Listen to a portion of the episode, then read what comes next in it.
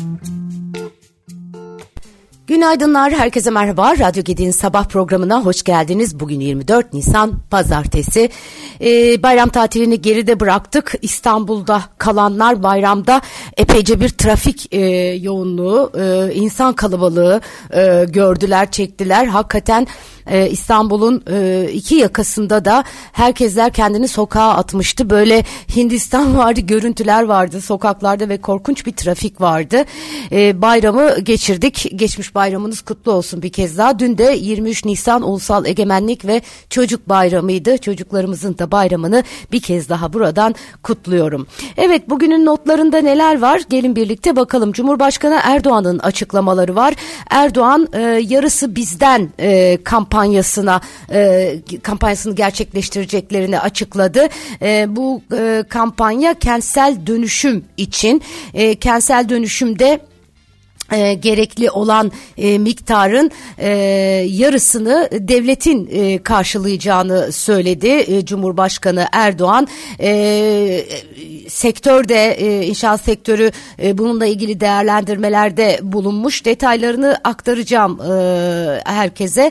E, diğer yandan e, Erdoğan e, konuşmasında enflasyonla ilgili de e, notları paylaşmış. Enflasyonun yıl sonuna kadar kontrol altına alınacağını belirtmiş. E, faiz indirimlerinin süreceğini kaydetmiş ve demiş ki bu kardeşiniz iktidarda olduğu sürece faiz yükselemez. Faiz devamlı düşecektir. Göreceksiniz enflasyonda faizle beraber düşecektir. Ama enflasyonun çok ciddi e, maliyeti olduğu ve hatta yıkımlara sebep oluyor. Ne kadar daha dayanılır e, bilmiyorum. E, hani Sayın Erdoğan'ın ifadelerine itibar edecek olursak. Onun da detaylarını konuşacağız. Kentsel dönüşümde yarısı bizden projesiyle 100 metrekare 2 artı bir konutun dönüşümü için 1 milyon 500 bin liralık maliyetin yarısı olan 750 bin liranın 120 metrekare 3 artı bir konutun dönüşümü için ise 1 milyon 800 bin liranın yarısı olan 900 bin liranın devlet tarafından karşılanacağını söylüyor Erdoğan. Kira yardımlarının ise 3500 liradan 5250 liraya yükseltildiğini kaydetmiş. E, kentsel dönüşümde yeni seferberlik adı altında.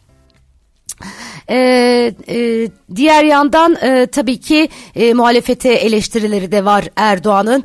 E, diyor ki e, milletimiz günlük hayatında bazı sıkıntılar olabilir. Aldığımız tedbirlerle en aza indirme gayretindeyiz demiş. E, bu yedili masa Karadeniz gazı için hani nerede diyorlardı. Yahu Türkiye'nin bir ucundan bir ucuna burada denizin altında doğal gaz boruları yerleştirildi. Bunu da görmedim mi? Doğal gaz ne zamandır Filyos'ta yanıyor görmedim mi? Bunların gözleri var görmez, kulakları var duymaz diye açıklamalarda bulunmuş. Evet bu yarısı bizden e, kampanyasıyla ilgili e, değerlendirmeler de var. E, Cumhurbaşkanı Erdoğan'ın kentsel dönüşümde yarısı bizden e, projesini e, değerlendirmişler e, neler var? E, İnşaatçılar Derneği, İstanbul İnşaatçılar Derneği devletin son aylarda gayrimenkul ve inşaat sektörüne verdiği desteklerin memnuniyet verici olduğunu söylemiş. E, İnder Yönetim Kolu Başkanı Nazmi Durbakayım bu destekler devletimizin hem ilk kez yuva sahibi olmak isteyenler için hem de riskli binalarını yenilemek isteyenler için üzerine düşen görevleri tam olarak yaptığını gösteriyor. Devletin attığı bu adımların ilerleyen dönemlerde daha da e, sıkıl, sıklaşacağını ve hızlanacağını düşünüyor bekliyoruz demiş. Yaklaşık 6.7 milyon riskli konutun yer aldığı Türkiye'de özel sektöründe bu kutsal davada önemli görevler alacağını dile getirmiş. Tabii inşaat sektörünü hareketlendirecek bir proje. O yüzden inşaatçıların bununla ilgili olumlu konuşmaları çok da şaşırtıcı değil. Başka neler var? Şöyle bir bakıyorum. Ee, Osman Gazi Köprüsü'nde rekor. Ulaştırma ve Altyapı Bakanı Adil Kara İsmailoğlu 22 Nisan'da Osman Gazi Köprüsü'nü rekor sayıda aracın kullandığını açıklamış. Bayramın ikinci günü 87.352 araç Osman Gazi Köprüsü'nü kullandı diye açıklama yapmış. Kamudaki 700 binden fazla kamu işçisinin mali ve sosyal haklarının belirleneceği kamu toplu iş sözleşmeleri çerçeve protokolünün 1 Mayıs Emek ve Dayanışma Günü'nden önce imzalanması bekleniyormuş. Ee, bu arada TOG'un batarya fabrikasının temeli atılacakmış. Yine Cumhurbaşkanı Erdoğan'ın katılması bekleniyormuş törene. Bugün Bursa'nın Gemlik ilçesinde atılıyor olacak e, temel. Evet, e, diğer yandan e, ekonomide hangi başlıklar var onlara da e, bakalım e, hep birlikte. E, bugünün notlarında ee, bir kere piyasalar tarafında yoğun yine bir e, veri akışının e, olduğu e, hafta e, var. E, Faik Öztürk'ün açıklamaları var. Seçime doğru kurmaylar konuşuyor e, serisi yapıyor Ekonomim Gazetesi. E, bu hafta CHP Genel Başkan Yardımcısı Faik, Faik Öztürk e, konuk etmişler. Rahat hareket etme imkanı oluşturulduğunda ekonominin yeniden büyüme sürecini, sürecine gireceğini kaydeden Öztürk, bizim gibi ülkelere giden finansmanda daralma yok ancak doğrudan yatırımlar doğrudan yapılmadığı için paralar paralar gelemiyor demiş. Bu koşullarda IMF'ye ihtiyaç bulunmadığını bildirmiş. Detaylı bir şekilde okumak isterseniz Ekonomi gazetesinden okuyabilirsiniz. İlk çeyrek bilançoları başladı. Bu hafta daha da hızlanacak. Son yılların en kritik seçimi öncesinde bilançoların gelişi yatırımcıların kafasını da karıştıracak diyorlar. Bu ortamda en mantıklısı uzun vadeli yatırım hisselerini kovalamak gibi görünüyor. Bu da hem büyüyen hem de giderek daha karlı büyüyen şirketleri öne çıkarıyor diyor. Ekonomim gazetesi yine yaptığı haberde.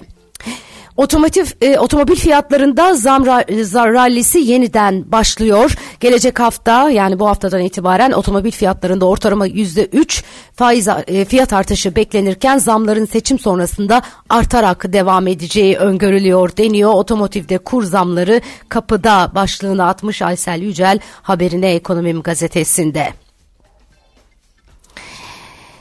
Evet, e, Alaaddin Aktaş'ın kaleme aldığı yazıda ise kur korumalı mevduat konu ediliyor. Kur korumalı mevduatta kur farkı yükü azaldı ama tortu çok hızlı büyüyor demişler.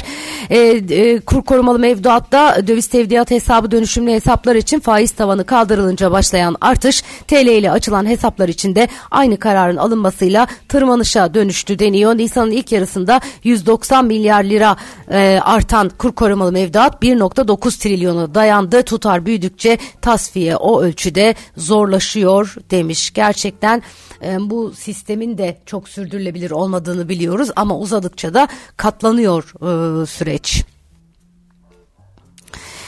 Evet, e, Türkiye yaklaşık iki yıldır yüksek enflasyonla yaşıyor. Enflasyon meselesinin çözümüne ilişkin sürekli hedef tarihler verildi ama gerçekleşmedi. Hükümet şimdi de önümüzdeki yıl çözmüş olacağız diyor. Çözer mi çözmez mi bilmiyoruz ama iki yıl süren yapışkan ve inatçı enflasyonun Türkiye'ye ciddi zararlar verdiğini biliyoruz demiş Servet Yıldırım e, yazısında. E, ekonomiyi kırılgan hale getirdi. Uzun ve orta vadeli yabancı sermaye girişini ve doğrudan yatırımları caiz caydırdı.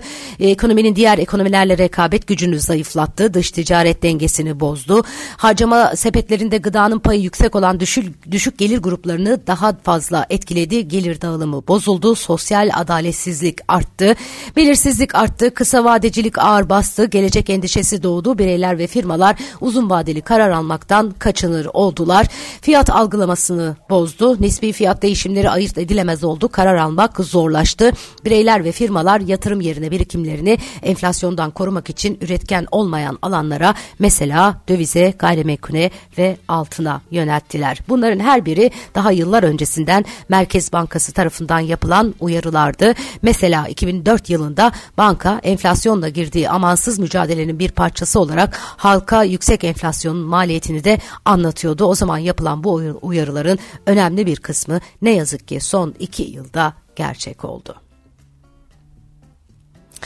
Dış ticarette ilginç bir dönemden geçiyoruz diyor bir başka haber. 2021 sonbaharında rekabetçi kur söylemiyle çıkılan yolda ithalatta ciddi bir sıçrama yaşanırken ihracatta benzeri bir canlanma olmadı. İthalattaki artışın ciddi bir bölümü enerji fiyatlarındaki artış ve altın talebinden gelmiş olsa da bu ikisi dışındaki ürün gruplarının ithalatında da ciddi yükselişler oldu. Son aylarda hem ihracat hem ithalat hızında bir durulma yaşanıyor. Yılın ilk 3 ayında ihracat %2,5, ithalat %11,4 oranında artmış. Oranlar geride bıraktığımız dönem bunun 4 katı kadardı. Gelişmelere fiyat ve miktar açısından ayrı ayrı bakılıyor. Yine Ekonomim gazetesinde gazetesinde Bader Arslan'ın haberinde. Yeni Altay tankı test için Türk Silahlı Kuvvetleri'ne teslim edilmiş. Erdoğan hedefimizi tam bağımsız savunma sanayi olarak belirledik diye konuşmuş. Evet bugün Asya borsaları yoğun veri gündemiyle karışık bir seyir içerisinde bölgedeki önemli ekonomik verilerin yayınlanacağı yoğun bir hafta öncesinde bugünkü iş, e, işlemlerin karışık bir seyir gösterdiği görülüyor. Yükselen Japonya dışında çoğu büyük piyasa düşüşte. Nikkei 225 %0,29, Topix %0,37 oranında artış kaydetmiş. Yatırımcılar yeni e, Japon Merkez Bankası Başkanı Ueda tarafından yönetilecek e, olan bu haftaki ki Japon Merkez Bankası para politikası toplantısını yakından izleyecekler deniyor. E, TODEX'in kurucusu Özer tutuklanmış Arnavutluk Adalet Bakanlığı'nca iadesine karar verildikten sonra getirildiği Türkiye'de gözaltına alınan kripto para borsası TODEX'in kurucusu Faruk Fa e, Fatih Özer çıkarıldığı hakimlikçe tutuklandı deniyor haberlerde. İçişleri Bakanı Süleyman Soylu, Kahramanmaraş merkezli 6 Şubat'taki depremlerin ardından Nüfus ve Vatandaşlık İşleri Genel Müdürlüğü tarafından ölüm tescili yapılan kişi sayısının 50.783 olduğunu açıklamış. Ee, depremin ardından 3 ay geçti. Hala net rakamları bulmaya çalışıyoruz. Kayıp vatandaşlar olduğu da ifade ediliyor. 985 kayıp vatandaş olduğu görülüyor ve bunların 30 tanesinin 0-6 yaş arası arası çocuklardan oluştuğunu görüyoruz. Yani 0-6 yaş arası 30 çocuk hala kayıp.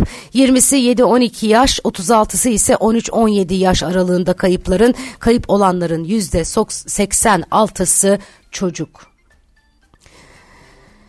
Evet, Bugünün notları özetle böyle güzel bir hafta diliyorum herkese. Radyo Gedi'nin e, programlarını takipte kalınız. Yarın sabah yine aynı saatte görüşmek üzere. Hoşçakalın.